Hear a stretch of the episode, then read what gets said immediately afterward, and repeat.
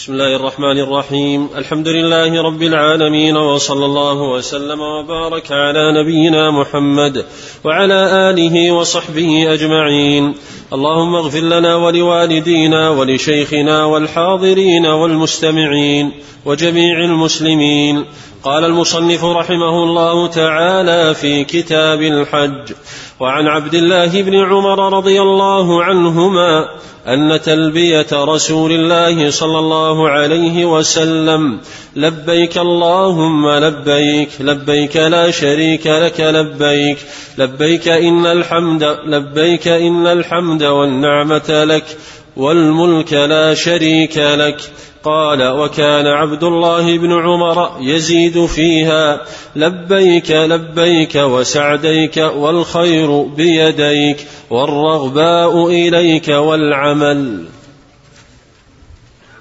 بسم الله الرحمن الرحيم. الحمد لله وحده. والصلاة والسلام على من لا نبي بعده. سيدنا ونبينا محمد وعلى آله وصحبه ومن اهتدى بهديه. واتبع سنته إلى يوم الدين وبعد. في هذا الحديث بيان التلبية وهي بمعنى الاستجابة لما أمر الله به جل وعلا. في قوله سبحانه وأذن بالناس بالحج يأتوك رجال إلى آخر الآية.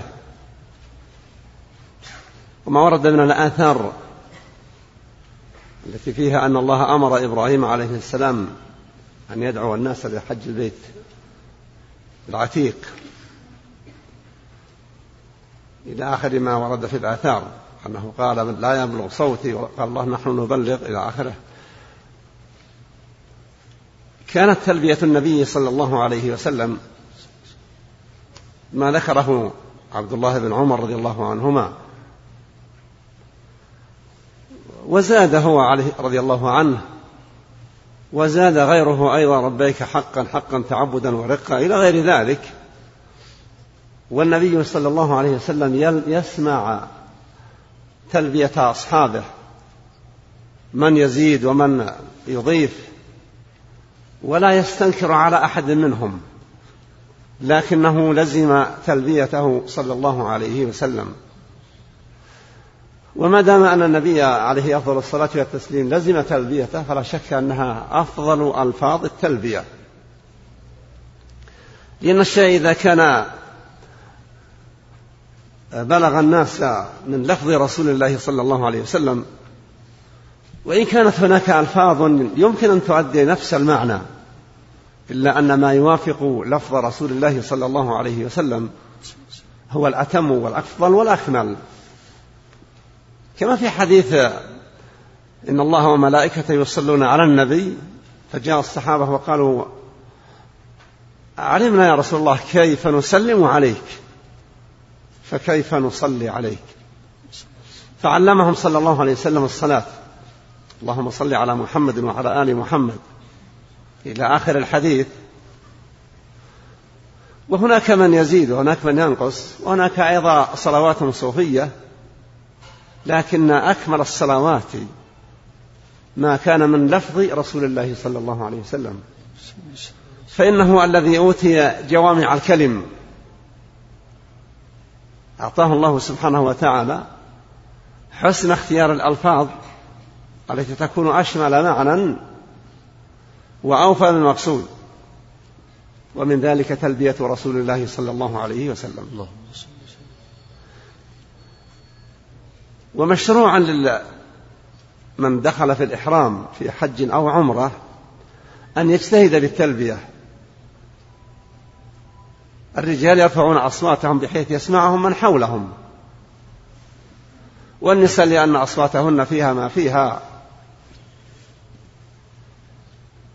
من العورة وغير ذلك يشرع لهن أن يتكلمن بالتلبية لكن بحيث لا يتجاوز صوت المرأة. ما حولها. بحيث تسمع مجالستها ومرافقتها وتسمع من مرافقتها. وأما الرجال فيجأرون بالتلبية. وكان أصحاب رسول الله صلى الله عليه وسلم يرفعون أصواتهم لكن ليس بالرفع المزعج المشوش ولكنه بالرفع الذي يبلغ الأسماع ويتصور لفظه. ومعنى كلمة لبيك أي إجابة بعد إجابة أي امتثالا للأمر وتنفيذا لما أراده الله جل وعلا من القدوم إلى هذا النسك الذي له شأنه في الدين.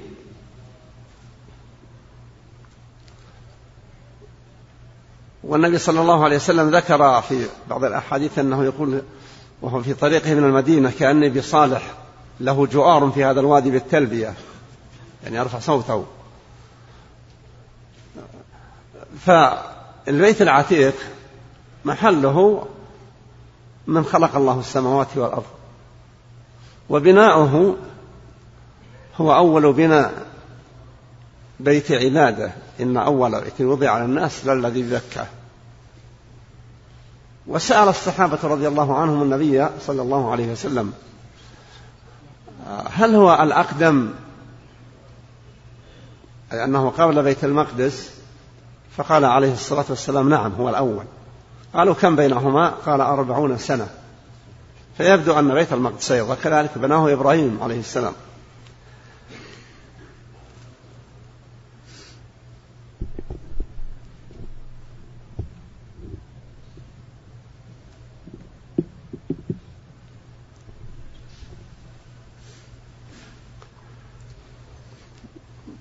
والتلبية في لغة العرب يعني هي الاستجابة.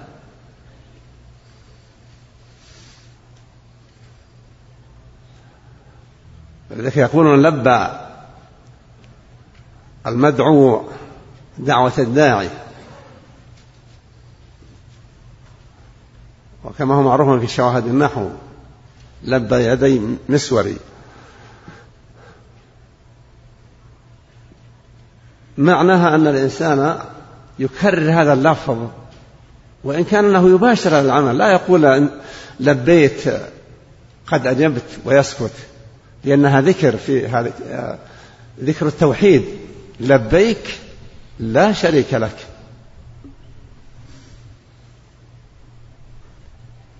إن الحمد والنعمة لك والملك.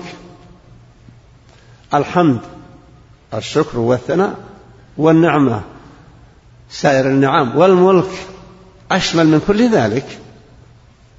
لأن الملك يشمل النعم كلها. والمحامد التي يقولها العباد. لبيك لا شريك لك لبيك إن الحمد والنعمة لك والملك لا شريك لك لبيك. يحسن بالواحد بقدر ما استطاع أن يحاول الاكتفاء بتلبية رسول الله صلى الله عليه وسلم. وإذا زاد كما زاد عبد الله بن عمر رضي الله عنهما وكما زاد غيره لبيك حقا حقا تعبدا ورقا أو غير ذلك فإنه لا حرج في ذلك.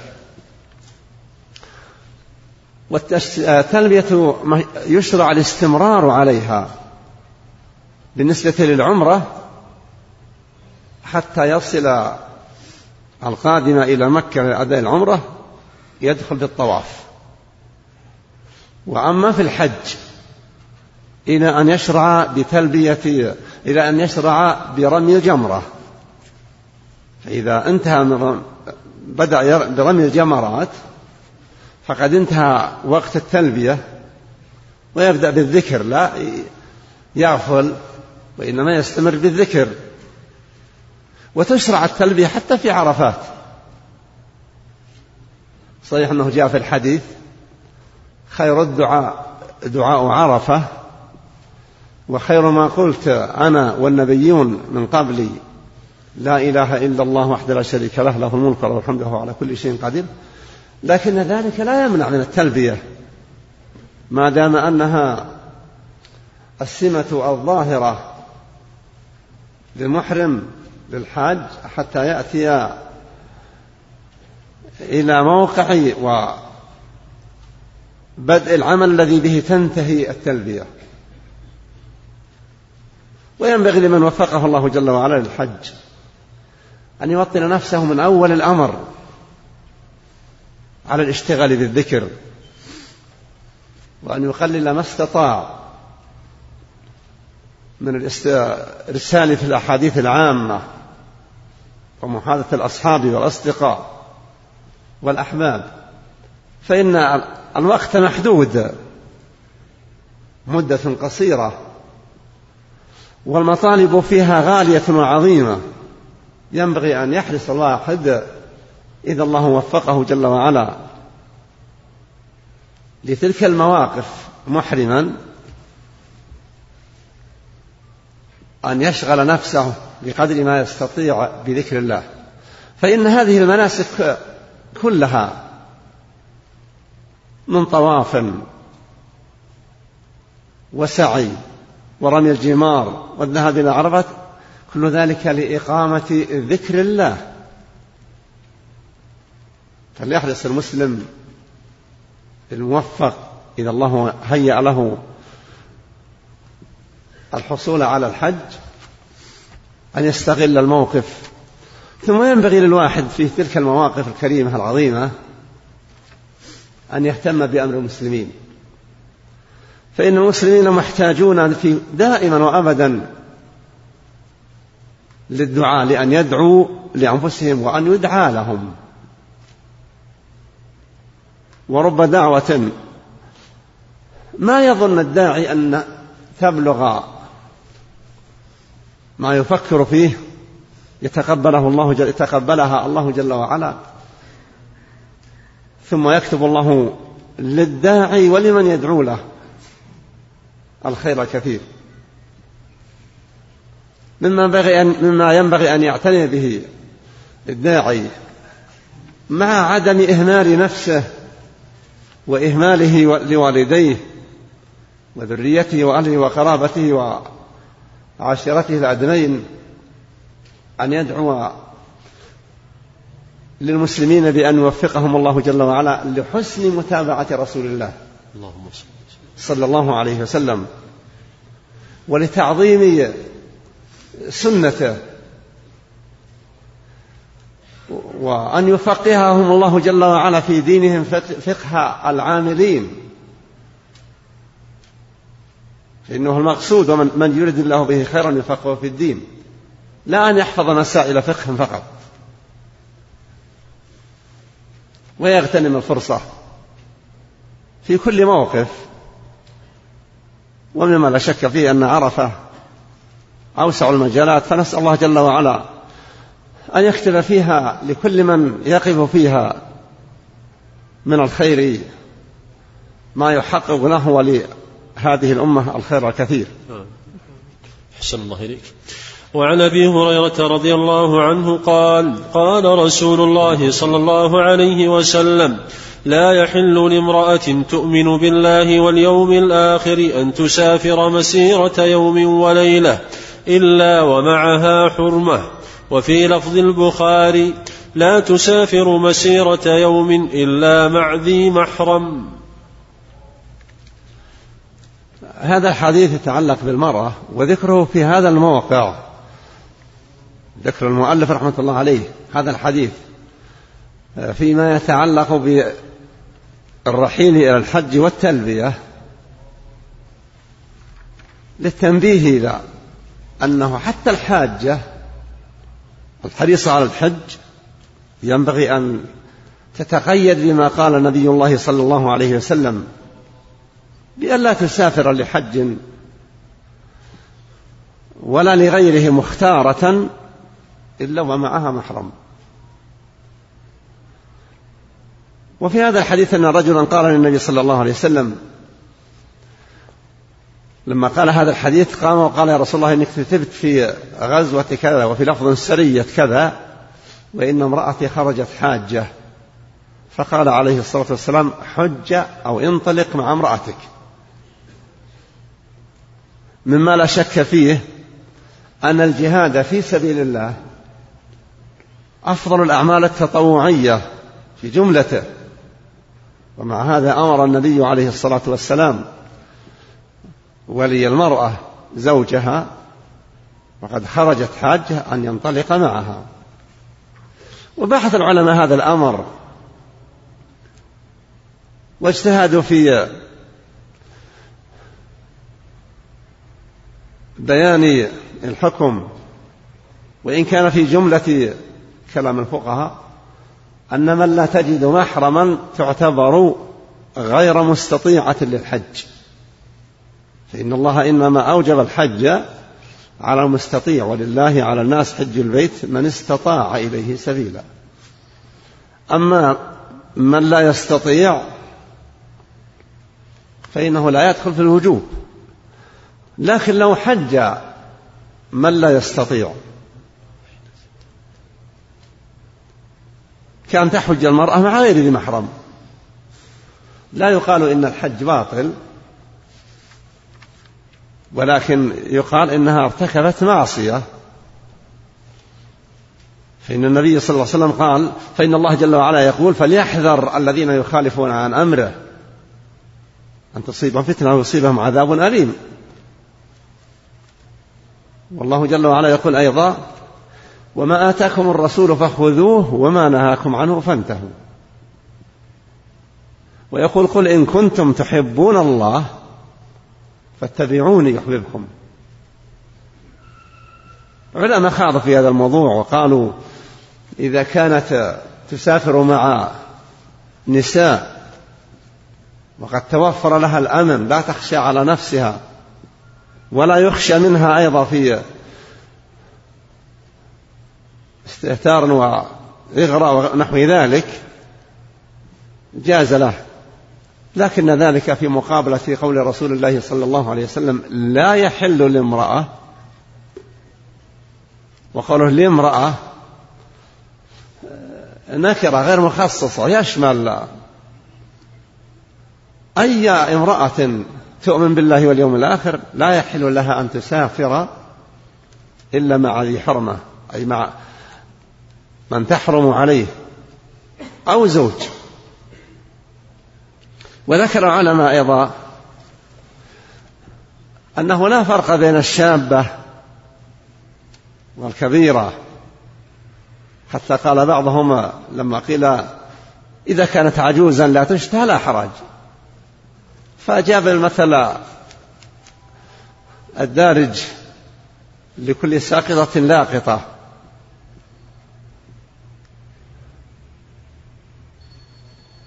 وجاء صدق المتابع لرسول الله صلى الله عليه وسلم هو الخير والبركة.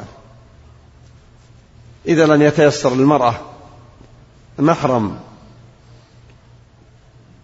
إن أمكنها أن توجد من يحج عنها إن كان لها قريب ويرفض الحج إلا بأجرة ولا يشق عليها أن تستاجره ليحج معها فعلت فإذا لم يتع... فإذا تعذر ذلك كله كانت غير ملزمة.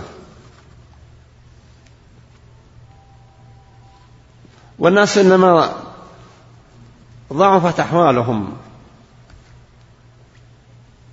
وكثر عدم استجابة أدعيتهم.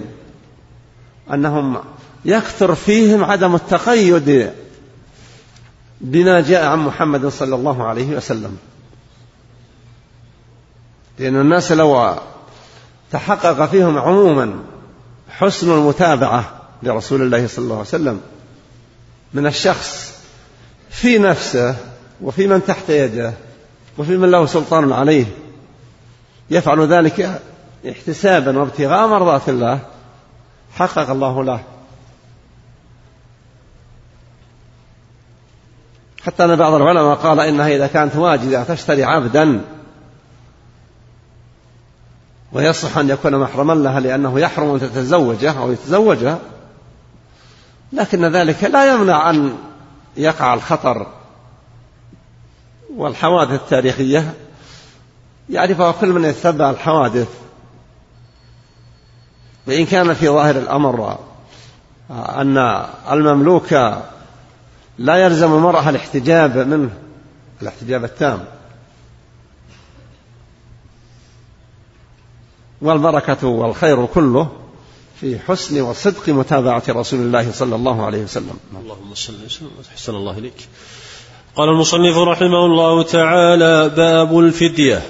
وعن عبد الله بن معقل قال جلست إلى كعب بن عجرة رضي الله عنه فسألته عن الفدية. فقال نزلت في خاصة وهي لكم عامة. حملت إلى رسول الله صلى الله عليه وسلم والقمل, يت والقمل تتناثر على وجهي. فقال ما كنت أرى الوجع بلغ بك ما أرى أو ما كنت أرى الجهد بلغ بك ما أرى. أتجد شاه؟ فقلت لا. قال فصم ثلاثة أيام أو أطعم ستة مساكين لكل مسكين نصف صاع. وفي رواية فأمره رسول الله صلى الله عليه وسلم أن يطعم فرقا بين ستة أو يهدي شاة أو يصوم ثلاثة أيام. كعب رضي الله عنه مرض يبدو أنه صار في رأسه قروح والقمل ينمو في مثل هذه الأحوال. يتوالد ويؤذي وربما كان سبب مرض مرهق. ورفع للنبي صلى الله عليه وسلم أمر كعب بن عجر رضي الله عنه فرأى النبي والقمل يتناثر على وجهه. فقال ما كنت أظن أن الوجع بلغ بك ما أرى ونحو كذلك هل تجد شيئا؟ قال لا. فقال له ما سمعنا ثم بين في الحديث أن الأمر على الخيار فإن فدية إزالة الشعر أو اللباس أو الطيب إذا ارتكب إنسان مخالفة الطيب أحد أمور ثلاثة. المنصوص في الآية ففدية من صيام أو صدقة أو نسك. فباذل الفدية هو مخير. إلا أن الشيء الذي يكون أغلى وأنفع للناس يكون أفضل. فإن الله يقول لن تنالوا البر حتى تنفقوا مما تحبون. النبي أول الأمر سأله هل يجد شاة؟ قال لا. ثم أمره بالإطعام وبين له الاختيار. التخيير أنه إن شاء صام ثلاثة أيام وإن شاء أطعم ستة مساكين وبين في الحديث أن الإطعام نصف صاع.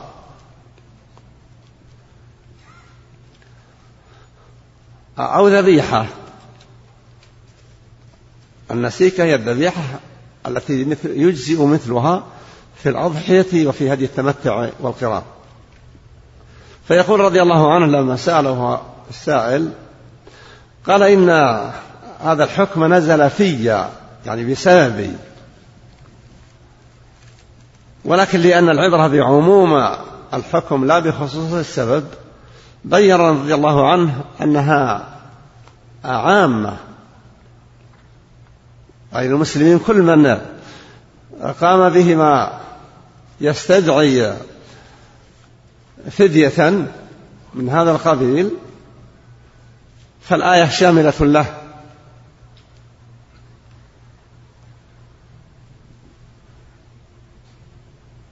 والإنسان في بعض الأوقات قد يجد نفسه مضطرا للباس كان يكون عسكريا مجبر أن يلبس لباسا. ويحب أن تكون تقلباته في عمله بحج. يجوز له ما دام أنه لا يملك من نفسه التخلي كذلك لو كان يخشى شدة برد. أو كان لا يستطيع أن يتعرض لأشعة الشمس فيحتاج إلى غطاء للرأس. يتقي به البرد أو يتقي به أشعة الشمس. في حال ضرورة جاز له ذلك لكن الفدية تبقى. وهذا من رحمة الله ولطفه بعباده. ما جعل علينا جل وعلا في الدين من حرج ملة إبراهيم الحنيفية السمحة إنما عليه الواحد أن يحسن التقيد بما يعلمه من حكم وما وتكييفه على ما هو به. لا يلتمس له عذرا وهو لا يحتاج إلى عذر. لا يترخص وهو يمكنه ألا يترخص. لأن الرخص إنما هي بقدر الحاجة التي تستدعيها. نعم. صلى الله إليك أن يطعم فرقا بين ستة. الفرق هو إن يكون فيه طعام. وتختلف. قصة الرجل الذي جاء وقال للنبي صلى الله عليه وسلم هلكت. قال له الرسول صلى الله عليه وسلم ما أهلكك؟ قال وأقعت أهلي في رمضان. قال له صلى الله عليه وسلم هل تجد رقبة تعتقها قال والذي بعثك بالحق لا أملك إلا هذه وضرب رقبة نفسه. قال صم شهرين متتابعين. قال وهل جاءني أتيت ما أتيت إلا من الصيام؟ قال له النبي صلى الله عليه وسلم أطعم ستين مسكينا. قال لا أجد. فسكت النبي وفي لفظ قال له أشار إليه بأن يجلس. ثم جاء رجل من من الأنصار بفرق فيه طعام. فقال عليه الصلاة والسلام أين الهالك؟ قال ها أنا ذا يا رسول الله. قال خذها أطعمه ستين مسكينا. فقال أعلى أفقر منا يا رسول الله؟ والذي بعثك بالحق ما بين لابتيها يعني حرتي المدينة. أهل بيت أفقر منا فضحك رسول الله صلى الله عليه وسلم. حتى بدت نواجذه أي أنيامه ثم قال أطعمه أهلك. رجع الرجل بالطعام وكان أهله لما علموا أنه جامع أهله عظموا الأمر عليه حتى يائس. ثم جاء بالخير ودواء السرور. فقصدي أن الفرق يكون مما يأخذ شيئا كثيرا وقد يكون أقل. كما هو معروف الزنبيل وهي لغة عربية زنبيل. في زنبيل كبير وفيه زنبيل دون ذلك وفيه ما هو دون ذلك. ففي هذا الحديث فرق فيه طعام قال النبي أطعمه ستة مساكين نعم. أحسن الله إليك. قال المصنف رحمه الله تعالى باب حرمة مكة. عن أبي شريح خويلد بن عمرو الخزاعي العدوي رضي الله عنه أنه قال لعمرو بن سعيد بن العاص وهو وهو يبعث البعوث إلى مكة. أتأذن لي أيها الأمير أن أحدثك قولا قام به رسول الله صلى الله عليه وسلم الغد من يوم الفتح. فسمعت فسمعته أذناي ووعاه قلبي وأبصرته عيناي حين تكلم به. أنه حمد الله وأثنى عليه ثم قال إن مكة حرمها الله تعالى ولم يحرمها الناس فلا يحل لامرئ يؤمن بالله واليوم الآخر أن يسفك بها دما ولا يعضد بها شجرة فإن أحد ترخص بقتال رسول الله صلى الله عليه وسلم فقولوا إن الله أذن لرسوله ولم يأذن لكم وإنما أذن لي ساعة من نهار وقد عادت حرمتها اليوم كحرمتها بالأمس فليبلغ فليبلغ الشاهد الغائب. فقيل لأبي شريح ما قال لك؟ قال أنا أعلم بذلك منك يا أبا شريح. إن الحرم لا يعيد عاصيا ولا فارا بدم ولا فارا بخربة. الخربة بالخاء المعجمة والراء المهملة هي الخيانة وقيل البلية وقيل التهمة وأصلها في سرقة الإبل قال الشاعر والخارب اللص يحب والخارب والخارب اللص يحب الخراب. الخارب الخارب أحسن الله عليك. هذا الحديث في أيام الحجاج في أيام عبد الله بن الزبير رضي الله عنهما. وتجيس الجيوش لغزو مكة. أبو شريح رضي الله عنه والذي ذكر في كتاب التوحيد. كان يسمى في الجاهلية أبو الحكم. فقال له النبي صلى الله عليه وسلم إن الله هو الحكم وإليه الحكم. قال إني كنت إذا حكمت بين قومي رضوا بي. قال ما لك من الولد؟ فقال شريح وعبد الله وفلان ثلاثة. فقال له صلى الله عليه وسلم أنت أبو شريح. رضي الله عنه. فهو لما رأى هذا الأمير يجهز الجيوش أراد أن يذكره بما قاله رسول الله صلى الله عليه وسلم. النبي صلوات الله وسلامه عليه بعد فتح مكة خطب الناس. وقال إن الله حرم مكة يوم خلق السماوات والأرض. وهي حرام إلى يوم القيامة. لا يحل سفك دم فيها ولا عض الشجر. وإن أحد ترخص بقتال رسول الله صلى الله عليه وسلم فأقول له إن الله رخص لرسوله ولم يرخص لكم. وإنما رخصت لي ساعة من نهار ثم عادت إلى حرمتها بالأمس. فمكة حرام من خلق الله جل وعلا السماوات والأرض جعلها أرضا حراما. ولذلك وقام العباس بن عبد المطلب عم النبي صلى الله عليه وسلم لما قال رسول الله هذه المقالة المقولة وحرم عضد والعضد هو قطع الشجر. فقال إلا الأذخر يا رسول الله. فإنه لقيننا وبيوتنا. لقينهم يضعونه في وقود نار الصناع الذين يصنعون الحديد في الكير. وبيوتهم يجعلونه بين الطين وما يوضع فوق سقوف البيوت وبين التراب حتى لا ينهال عليهم وليتماسك. فما كان من رسول الله صلى الله عليه وسلم قال إلا أن قال إلا الإذخر. فمكة لا يحل قطع شجرها ولا عض الحشائش فيها إلا ما كان من من زرع الناس ما زرعه الناس.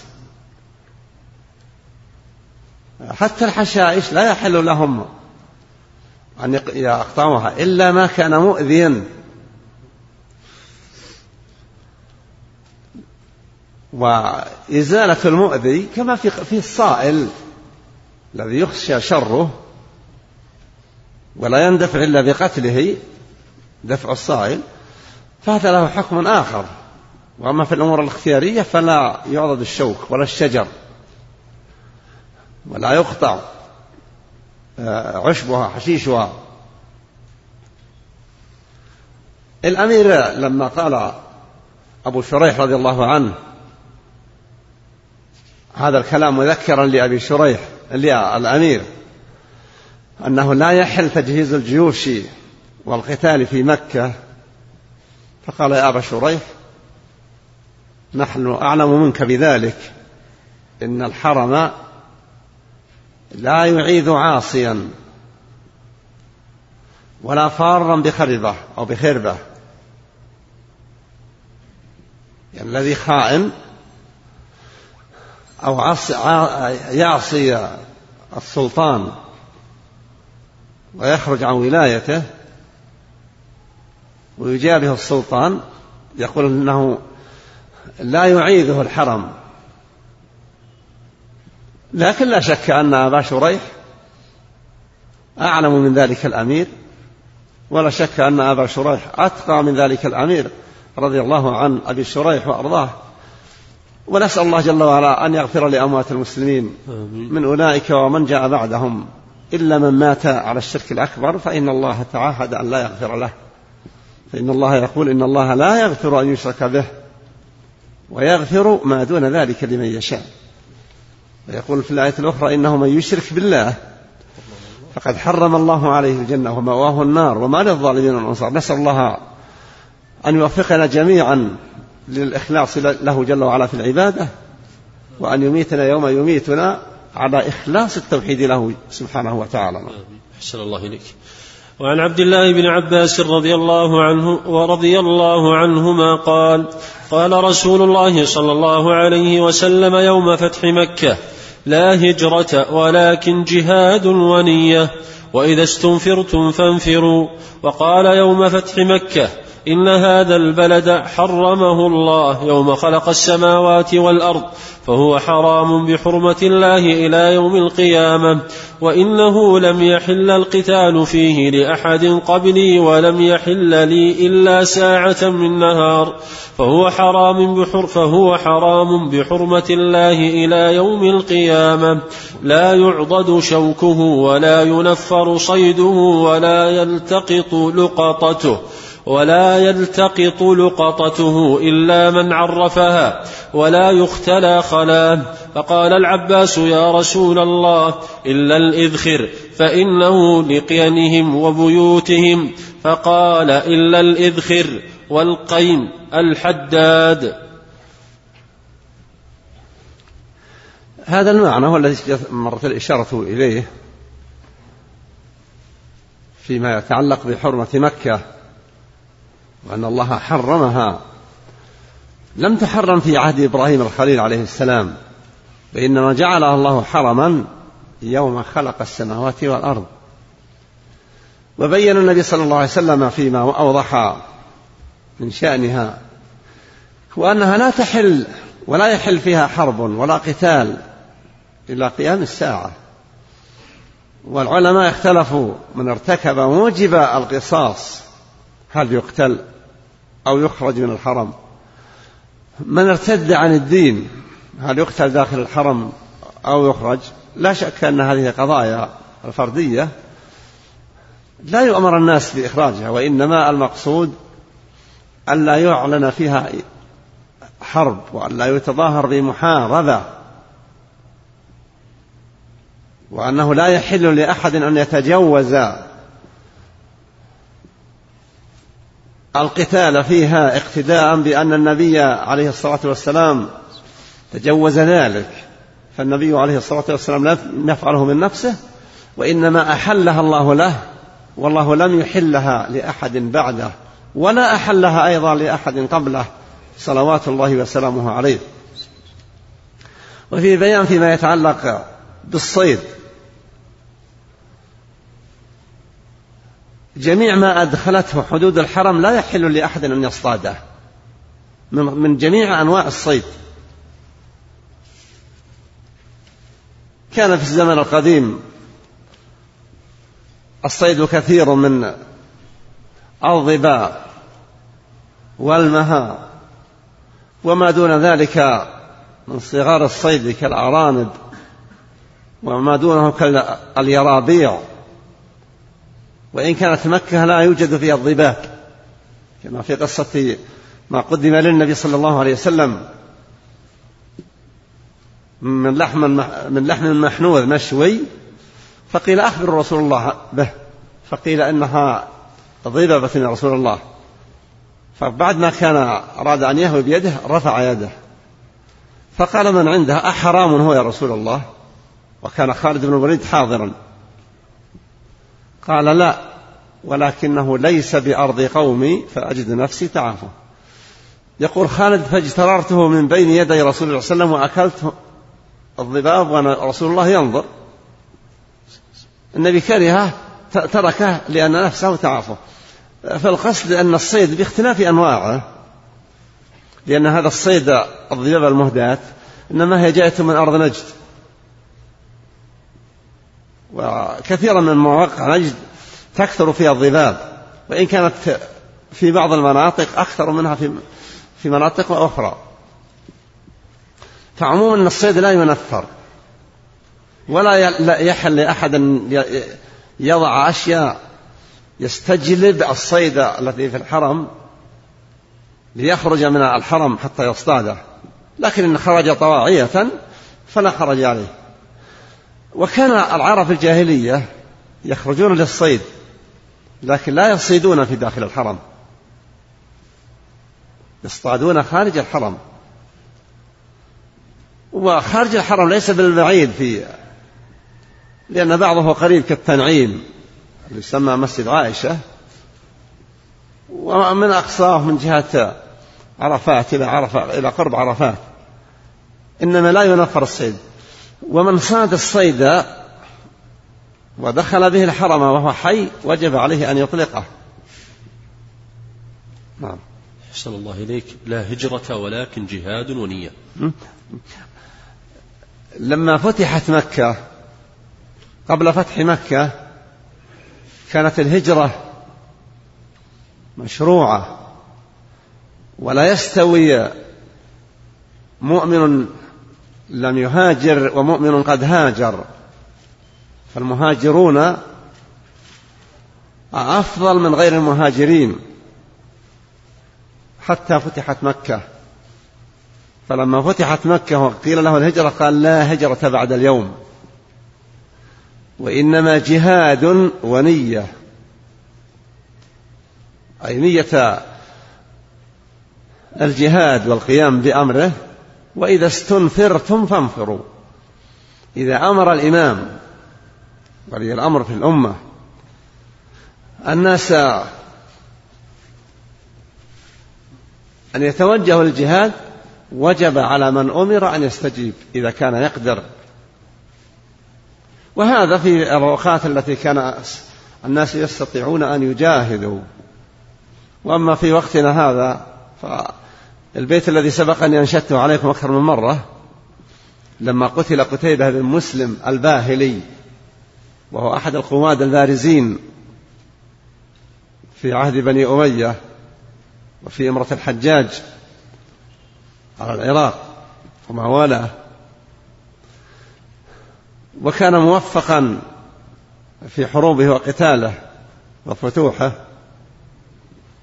لما قتل قال الشاعر ندمتم على قتل الأغر ابن مسلم.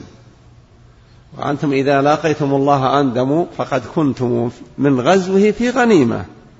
وأنتم لمن يغزوكم اليوم مغنم. للأسف المسلمون الآن لا يفكرون بغزو بلد كافرة. لفتحها للدعوة إلى الله وإشاعة الحكم الإسلامي على ربوعها. وإنما هم في موقف الخائف. فأصبحوا غربا كما يقول ابن القيم رحمة الله عليه. وإن لم يكن يعني غربة المؤمن في بلاد الكفار وإنما يقصد أن غربة أهل الحق مع أن يضاد الحق. يقول ابن القيم في قصيدته الميمية وأي اغتراب فوق غربتنا التي لها أضحت الأعداء فينا تحكموا. وإذا فكر المسلم الآن وجد أن الأعداء حقيقة يتحكمون في الأمة الإسلامية.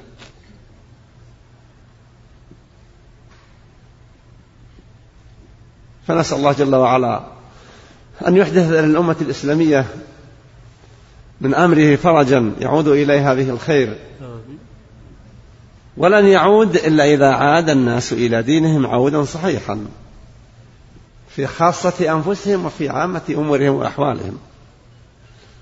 فإن الله لا يغير ما بقوم من مذلة ومهانة وتسلط الأعداء إلا إذا غير الناس ما بأنفسهم. إذا رجعوا إلى الله وأخلصوا له الدين وتابوا من المعاصي والذنوب وأحسنوا العمل وصدقوا في التوكل عليه جل وعلا.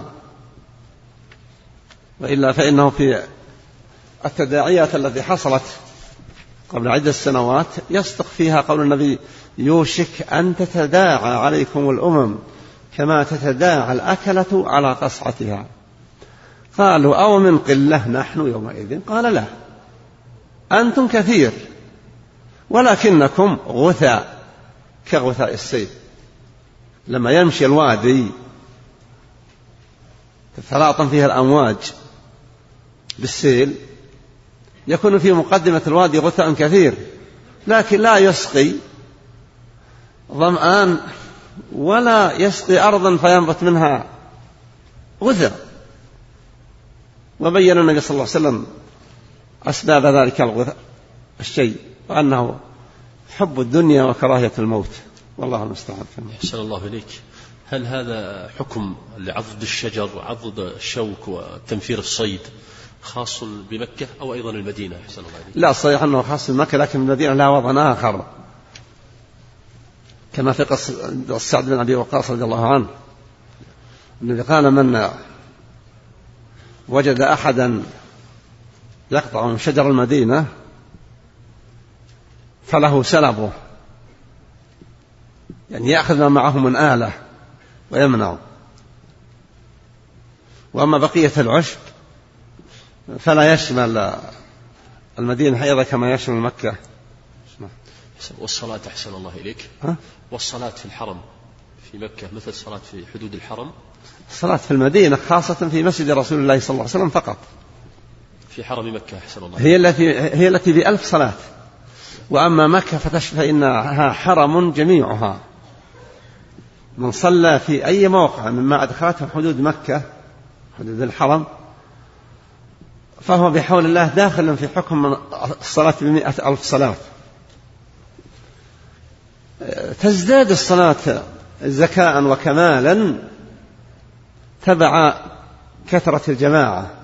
أخذا من حديث صلاة الرجل مع الرجل أزكى من صلاته وحده وصلاته مع الرجلين أزكى من صلاته مع الرجل. ثم إن هذا التفضيل هو في الحقيقة إنما يتوجه إلى الفرائض. يتوجه إلى الفرائض. لأن حديث النبي صلى الله عليه وسلم أفضل الصلاة ما كان في البيت إلا المكتوبة يجعل النوافل أفضل في البيت. مكة البيوت أيضا حرم. لكن لما يطلق الصلاة يقصد بذلك الصلاة الفريضة. ومع ذلك الواحد يطمع لأن فضل الله لا حدود له. يطمع إذا صلى نوافل في مكة أن الله يضاعفها إلى مائة ألف. وهذا ليس بكثير على جود الله وعطائه ولا كثير على من يطمع في أن يربح في تجارته مع الله على الله جل وعلا. والله المستعان. نعم. أحسن الله إليك. والمعصية أحسن الله إليك. والمعصية داخل الحرم ودخول الكفار أيضا. أما دخول الكفار فلا يحل. إنما المشركون نجس فلا يدخل المسجد الحرام بعد عام. ماذا وهل المدينة كالمكة؟ هذا محل خلاف. والصحيح أنها ليس ليست كمكة. وأما بالنسبة إلى للمص... لا... للمعاصي فمن رحمة الله بالعباد أن المعاصي لا تضاعف. أن من عمل سيئة فلا يجزى إلا مثلها. وأما الحسنة فهي التي تتضاعف. الحسنة بعشر أمثالها. إلى مئة إلى سبعمائة إلى ما لا يعلمه إلا الله كما في حديث إن الله كتب الحسنات والسيئات.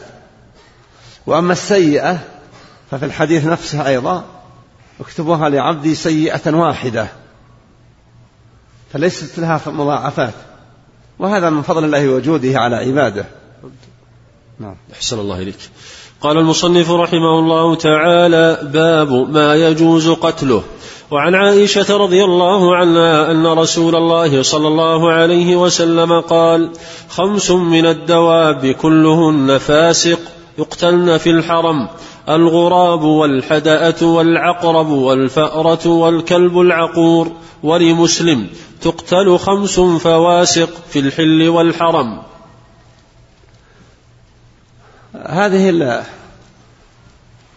الفواسق لكثرة فسادها استثنيت من بقية الدواب التي يعصمها الحرم إلا إذا حصل منها أذى. إذا حصل أذى من أي حيوان جاز دفع أذاه ولو بقتله. سواء كان من الصيد أو من غيره.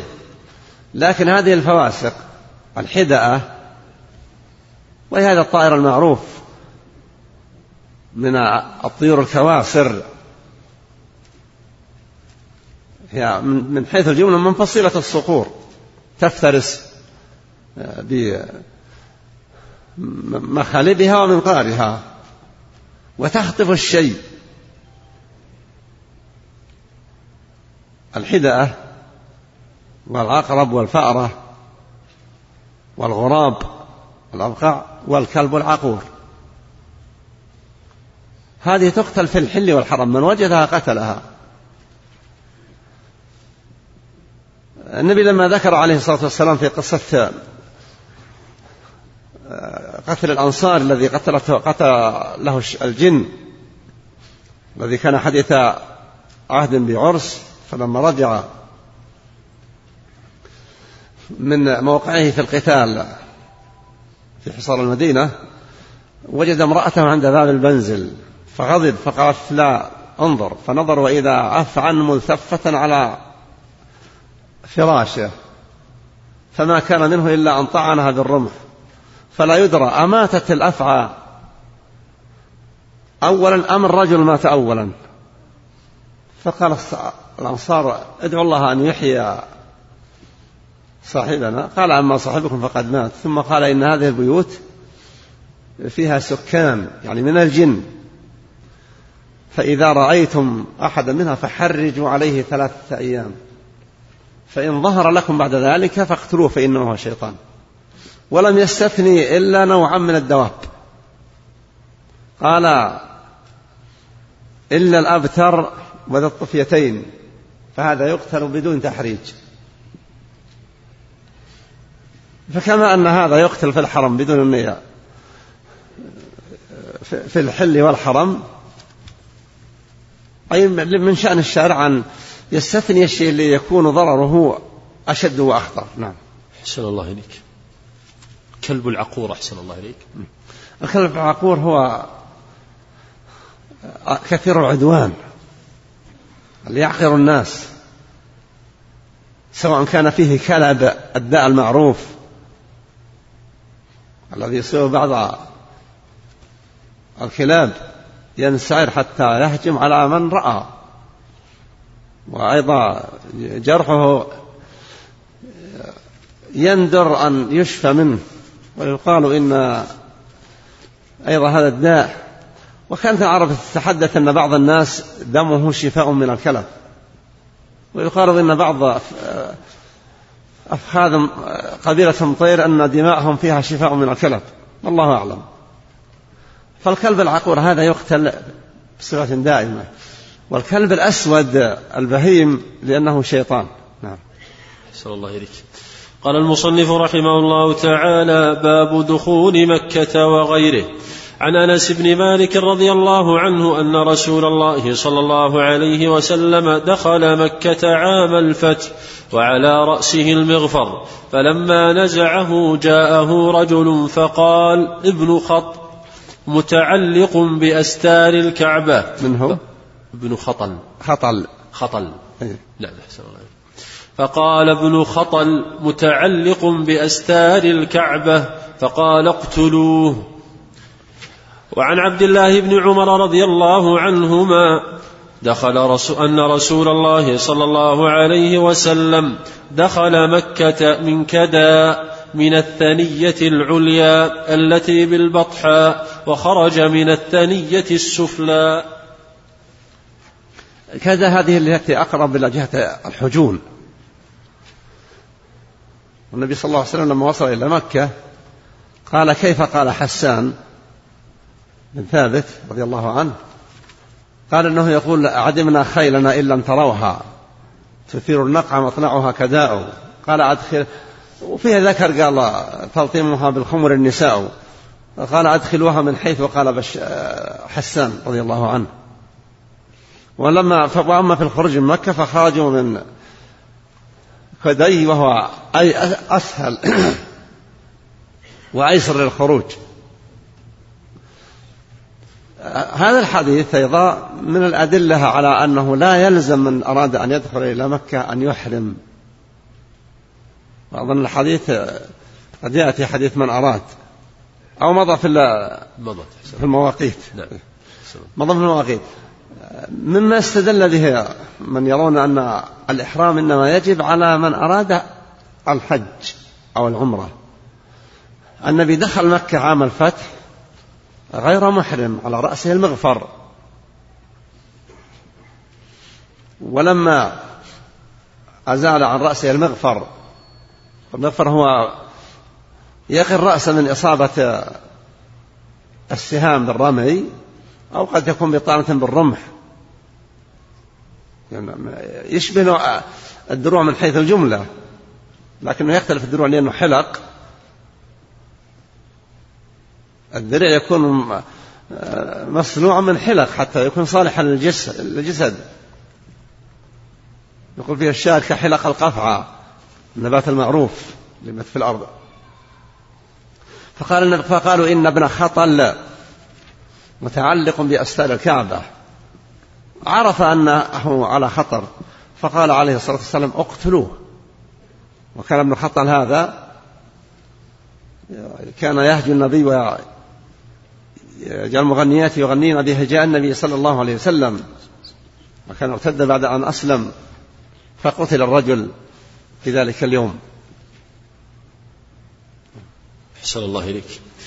وعن عبد الله بن عمر رضي الله عنهما قال دخل رسول الله صلى الله عليه وسلم البيت وأسامة بن زيد وبلال وعثمان بن طلحة فأغلقوا عليهم الباب فلما فتحوا الباب كنت أول من ولج فلقيت بلالا فسألته هل صلى فيه رسول الله صلى الله عليه وسلم؟ قال نعم بين العمودين اليمانيين. لما فتح النبي صلى الله عليه وسلم مكة. طلب مفتاح الكعبة. وجاء سادن الكعبة. فقام ودخل صلى الله عليه وسلم الكعبة. دخل معه بلال وسادن الكعبة. فوجد أن المشركين قد رسموا صور إبراهيم عليه السلام وإسماعيل يستقسمان بالأزلام فقال قبحهما والله ما استقسم بالأزلام. ثم أمر بغسل هذه الأماكن وأنزل ما كان في الكعبة من أصنام وكبر في نواحيها صلى الله عليه وسلم وأغلق الباب على نفسه وبلال وابن أبي شيبة الشيبي يقول عبد الله بن عمر فكنت أول داخل وكان ابن عمر رضي الله عنه شديد الحرص على على الاقتداء بالنبي صلى الله عليه وسلم في أفعاله وأعماله حتى في الأمور التي ليست بعبادية دخل الوقت. لا بقي دقيقتين. إيه شوف النور. هذا إيه. الجوال اي زين ما شاء الله. هناك بازي أكثر. اي لا. الساعة بقي ثلاث دقائق أحسن الله عليك. واليوم 31 لا. يعني اليوم سبع دقيقة, دقيقة. الله المستعان الله المستعان. فلما دخل فكان عبد الله بن عمر رضي الله عنه حريص حريصا جدا على أن يفعل فعل النبي صلى الله عليه وسلم حتى المبيت في الطريق.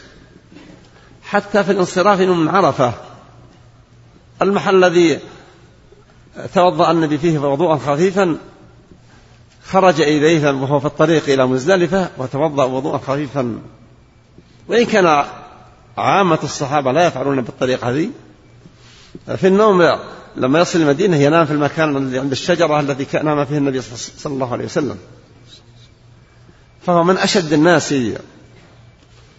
وأحرص الناس على الاقتداء بالرسول صلى الله عليه وسلم. ولذلك يستأنس الواحد بهذا المعنى فيه. في حديث الجنازة. ورفعه اليدين مع كل تكبيرة. فإنه ثابت من فعله رضي الله عنه. وإن لم ينقل عن النبي صلى الله عليه وسلم أنه يرفع يديه في كل تكبيرة ولم ينقل النهي. فالواحد يستأنس في فعل عبد الله بن عمر ما دامت عنده ما دام عنده ذلك الحرص أن يكون إنما يحرص على الشيء الذي رآه من النبي صلى الله عليه وسلم. فسأل بلال رضي الله عنه لما دخل قال هل صلى النبي صلى الله عليه وسلم؟ قال نعم. قال أين؟ قال عند بين العمودين اليمانيين يقول عبد الله بن عمر أسفت أنني لم أسأل بلالا كم صلى رسول الله صلى الله عليه وسلم.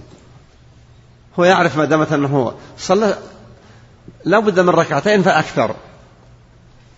لكنه نسي أن يسأل في تلك اللحظة كم صلى. ويبدو أنه لم يسأله بعد لأن حديث ابن عمر ذلك بعد وفاة النبي صلوات الله وسلامه عليه. عائشة رضي الله عنها أرادت أن تصلي في الكعبة. فأمرها النبي صلى الله عليه وسلم أن تصلي في الحجر وقال إنه من الكعبة. فالصلاة داخل الكعبة جائزة. من تيسرت له بدون عناء ولا مشقة ولا حرج ولا إحراج فحسن. وإذا لم تتيسر له أو خشي أن يكون قدوة للناس ويتدافعون إليها فليكتفي بالصلاة في الحجر. والنبي أخبر أنه من الكعبة. في نفس الحديث الذي قال أنه من الكعبة. وفي الحديث الآخر الذي قال النبي صلى الله عليه وسلم لولا أن قومك حديث وعهد بكفر لأمرت بهدم الكعبة وبنائها على قواعد إبراهيم. فإن قومك عجزت بهم النفقة فقصروها عن قواعد إبراهيم. أحسن الله إليك. أستأذنك في عرض الأسئلة. نعم. يقول سماحة الشيخ أنا من روسيا وفي عادتنا أن كثيرا من أن كثيرا من النساء اللاتي يبلغن من العمر ستين عاما فما فوق يخرجن إلى الحج دون محرم فهل يجوز لهن خروج فعل ذلك؟ ويذكرن أنهن من القواعد. الحديث الذي مر لا يحل لامرأة ذكر امرأة صيغة النكرة والصيغة النكرة من ألفاظ العموم التي تشمل أي امرأة كبيرة كانت أو صغيرة من القواعد أو من الفتيات. البالغات فالحديث لم يستثني. ولذلك قال الإمام أحمد والشافعي وغيرهم في الجملة أنه شابة أو غير شابة. وأشرت إلى خلاف العلماء. وبعضهم يقول إنها إن المقصود في سفرها ألا تسافر إلا مع ذي محرم لتأمن على نفسها. فإذا توفت يسرت حالة الأمن على نفسها فلا حرج. لكن حديث رسول الله صلى الله عليه وسلم واضح. فإن حجت المرأة كبيرة أو صغيرة يعني شابة أو من القواعد فالحج إذا أدت المناسك أداء كاملا. حج صحيح. وتأثم فيما يتعلق بالسفر مع غير محرم هو ليس بكفر ولا تبطل به الأعمال وإنما هو من المعاصي. ولا شك أن الإيمان إنما يكمل بالقيام بأعمال الطاعات الفرائض ونوافل العبادات وباجتناب المحرمات وما يكره.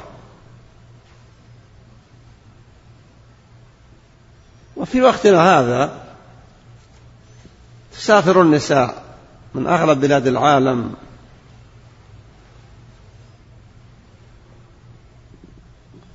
شواب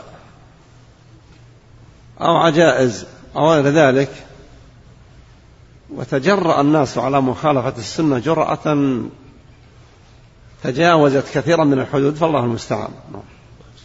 وهذه أسئلة كثرت أحسن الله إليك سماحة الوالد عن سفر المرأة بالطائرة بدون محرم إذا أمنت الفتنة وراحت وذهبت مع رفقة كالنساء وغيرها هل يدخل في الإثم؟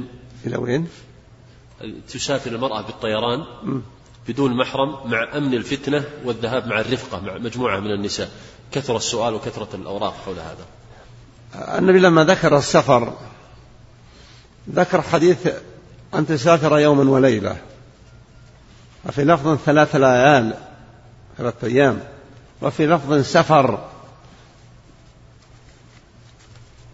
فدل على أن المقصود بذلك السفر. ثم إن السفر بالطائرة هذه الطائرة عرضة لأن يكون موضع الهبوط غير ما صدر توجهت الطائرة إليه.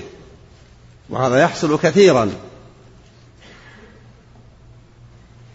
وبركة الاقتداء والتقيد بحديث نبي الله صلى الله عليه وسلم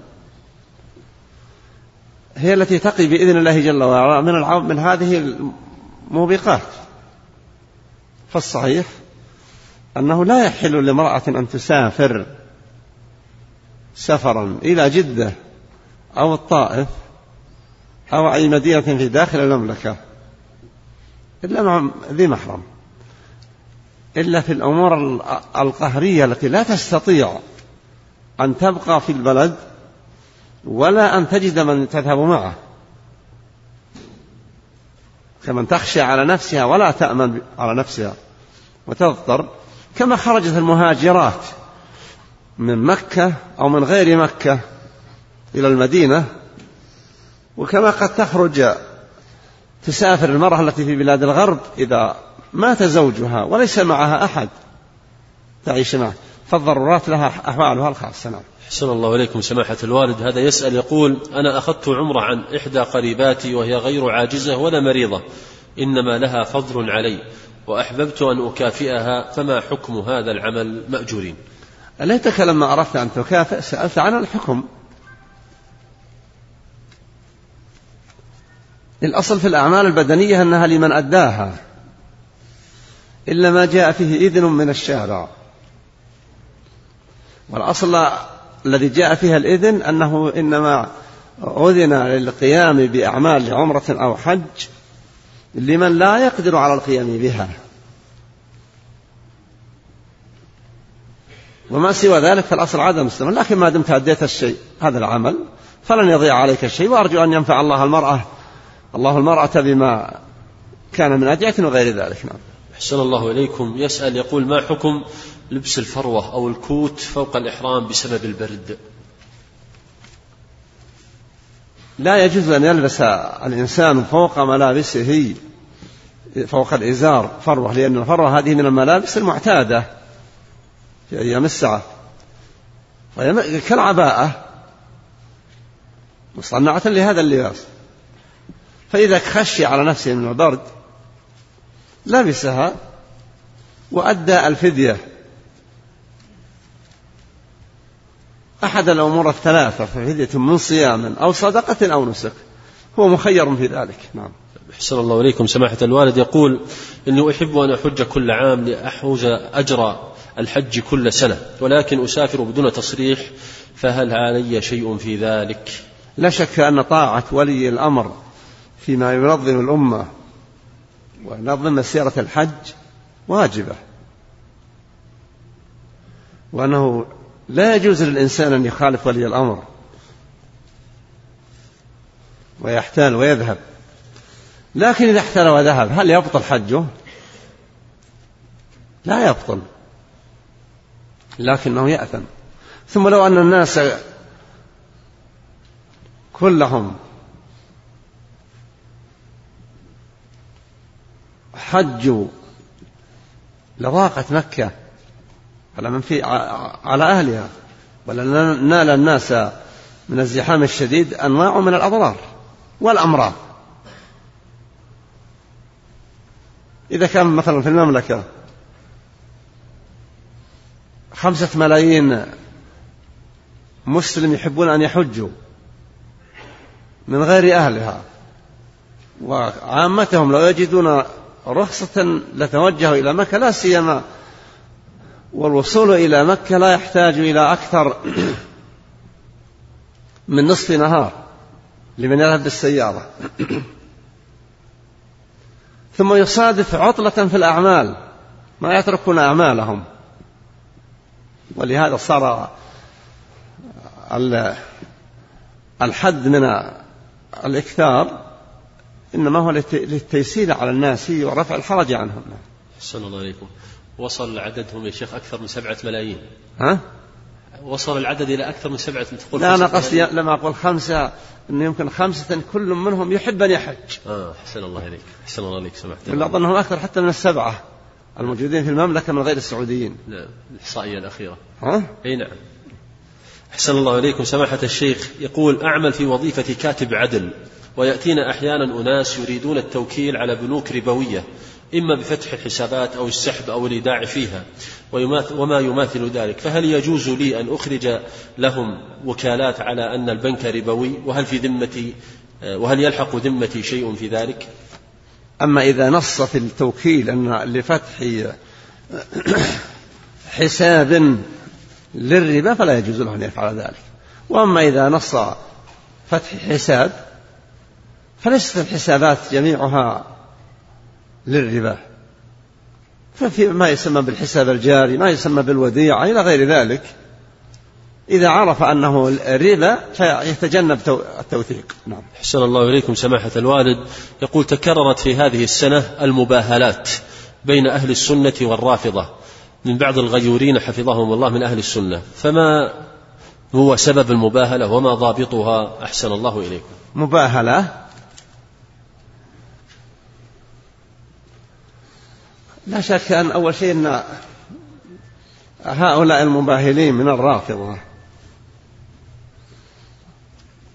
جميع من يعتقد ما نصت عليه كتب الرافضة فليس أهلا لأن يباهل ولا أن يباهل.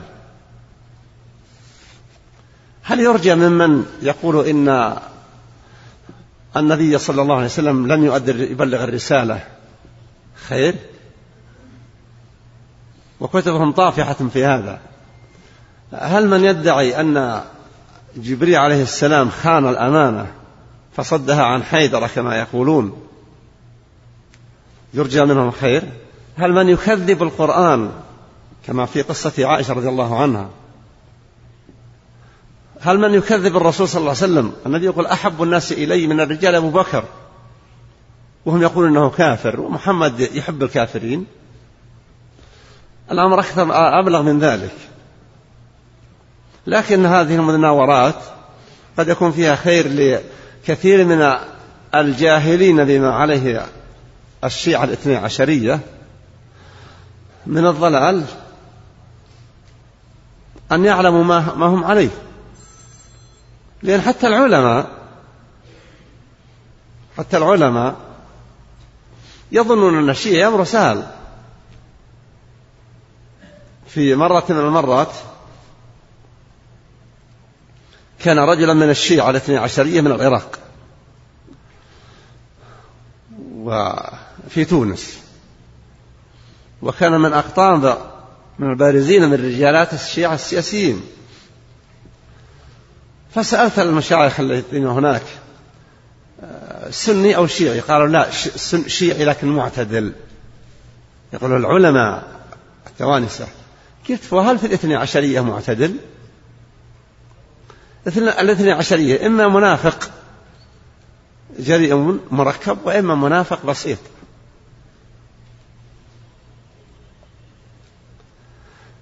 فكثيرا من علماء البلاد الإسلامية لا يعرفون حقائق التشيع والشيعة. لأنهم لم يبتلوا بهم. والدولة الفاطمية تدعي أنها متشيعة وإن كانت كما يقول العلماء ظاهرها الرفض وباطنها الكفر المحض. هذه انقرضت من جميع أفريقيا. حتى بعد سقوط الدولة الفاطمية لم يبقى تشيع في مصر. حتى ما يقال إن المقريزي من الفاطميين لكنه أيضا ألف كتابا في التوحيد. وإن كانت الآن بدأت تدخل في أفريقيا على بساط المال ونسأل الله أن يحقق للمسلمين الخير ويصرف عنهم الشر. نعم. أحسن الله إليكم سماحة الوالد. هذه أسئلة من بعض إخواننا على الإنترنت. سائل من المغرب يقول هل بعد انتهاء المؤذن من الأذان في الدعاء بعد الأذان هل ندعو مع الرفع مع رفع الأيدي؟ أحسن الله إليك. أو ندعو بدون رفع الأيدي. السنة مع الأذان أن يحرص السامع السامع للأذان أن يقول كما يقول المؤذن. فإذا انتهى المؤذن من الأذان يشرع له أن يقول اللهم, اللهم رب هذه الدعوة التامة والصلاة القائمة. آت محمد الوسيلة والفضيلة ابعثه مقام محمد الذي وعدته. النبي صلى الله عليه وسلم يقول إن من قال ذلك جواب المؤذن. ثم قال في النهاية كما يقول اللهم رب هذه الدعوة التامة حلت له شفاعتي يقول صلى الله عليه وسلم. فهذا اللفظ الذي هو اللهم رب هذه الدعوة التامة الصلاة آت محمد الوسيلة والفضيلة وابعثه مقام محمد الذي وعدته هذا في الصحيح.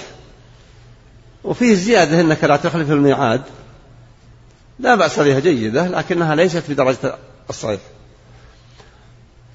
فيحسن بالإنسان أن يتعاهد نفسه والمؤذن يؤذن أن يقول مثل ما يقول المؤذن. فإذا جاء إلى كلمة حي على الصلاح حي على الفلاح يقول لا حول ولا قوة إلا بالله. ثم إذا انتهى يدعو بالدعاء. من تعاهد ذلك بصفة دائمة تحققت له شفاعة رسول الله صلى الله عليه وسلم. لكن هل يتركنا الشيطان حتى نقولها مع كل أذان نسمعه؟ إذا مدى المؤذن قد يأتي الإنسان شواغل وأفكار وتذكر أمور ما كان يتذكرها حتى يقعده عن أن يقوم بهذا العمل. والموفق من وفقه الله نعم. أحسن الله إليكم. هذه امرأة من تونس تقول ليس لدي محرم وأرغب في الحج. فهل تقبل حجتي؟ أحسن الله إليكم. النبي صلوات الله وسلامه عليه يقول لا يحل لامرأة تؤمن بالله واليوم الآخر أن تسافر إلا مع ذي محرم أو زوج. فلو حججت وارتكبت هذا الذنب وأديت الحج حجا كاملا فالحج يكون صحيح وتأثمين فلعل التوبة وكثرة العمل الصالح. تكون سببا في مغفرة الله جل وعلا. وإن التزمت بحديث رسول الله صلى الله عليه وسلم فعسى الله أن يأتيك بفرج من عنده وتحقيق محرمية يتحقق لك فيها الحج دون ركوب مخالفة لهدي محمد صلى الله عليه وسلم. عليه وسلم. وهذا السائل يقال له لطفي من إخواننا من الجزائر يقول السلام عليكم ورحمة الله وبركاته. يا شيخ عندي صديق ذهب إلى أحد مناطق غرب الجزائر ووجدهم بعد الصلاة يسبحون باليد اليمنى ثم باليد اليسرى. ولما سألهم قالوا له يوجد ذلك في الفقه المالكي. فما حكم هذا العمل يا شيخ؟ وجزاكم الله خيرا. يسبحون باليد اليمنى بس ولا باليد اليمنى ثم اليسرى. هو ليس فيه نهي. لكن اللي ثبت أن النبي كان يعد التسبيح تسبيح باليد اليمين.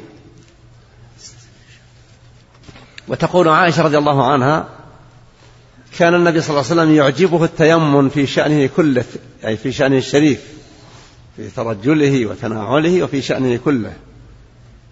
وأشرف الأمور أو من أشرفها الذكر. وحتى عندنا في المملكة الناس يعدون بأصابع اليد اليمنى واليسرى تسبيحهم الذي من عد تسعا وتسعين كلمة ثم أضاف لا إله إلا الله ليتم عدد مئة يعدونه باليد اليمين والشمال. إلا من اطلع على السنة وأن النبي كان يعقد تسبيحه بيده أصابع يده اليمنى. نعم. أحسن الله إليكم. هذا سائل يقول هناك رجل يريد اقتراض مبلغ مالي من شخص مصادر رزقه محرمة ربوية وغيرها. هل يجوز له أن يأخذ القرض منه؟ لا حرج عليه أن يقترض من شخص قرضا. ولو كان المقرض تجارته وأمواله مبنية على أرباح ربوية إثم هذا الربا على كاسبه والقرض ما دام لا يشتمل على ربح ربوي فلا حرج فيه. حسن الله إليكم. هذا أخونا الأثري من مصر يقول أحسن الله إليكم إذا رأيت رجلا يطوف حول قبر فهل أحكم عليه بالكفر والخروج من الإسلام وأنه لا يزوج ولا يصلى عليه إذا مات ولا يورث ولا أسلم عليه؟ بل انصحه وبين له أن الطواف تقربا إلى الله لا يصح إلا على الكعبة. لا يجوز للإنسان أن يطوف على مسجد نبي الله صلى الله عليه وسلم متقربا في ذلك. فكيف على قبر؟ انصح لعل الله أن يهديه على يديك. وأما إذا كان يطوف على القبر ويستغيث بالميت الذي في القبر فهذا لا شك شرك أكبر. إن مات عليه مات على الكفر. نعم. أحسن الله إليكم. نختم بهذا السؤال من الجزائر. يقول هل يجوز التبرع بأعضاء الإنسان مثل الكلية في حياته أو تنفيذا لوصيته بعد مماته؟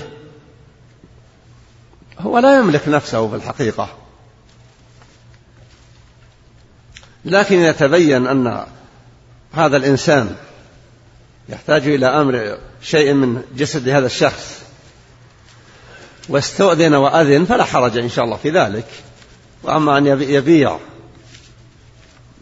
كلية ليأخذ مقابلها فإن هذا بيع لا شك أنه غير جائز. لكن يستفيد منه الفاقد لهذا الشيء ليدفع. الله وصلى الله وسلم على نبينا محمد وعلى آله وصحبه وسلم. اللهم صل وسلم.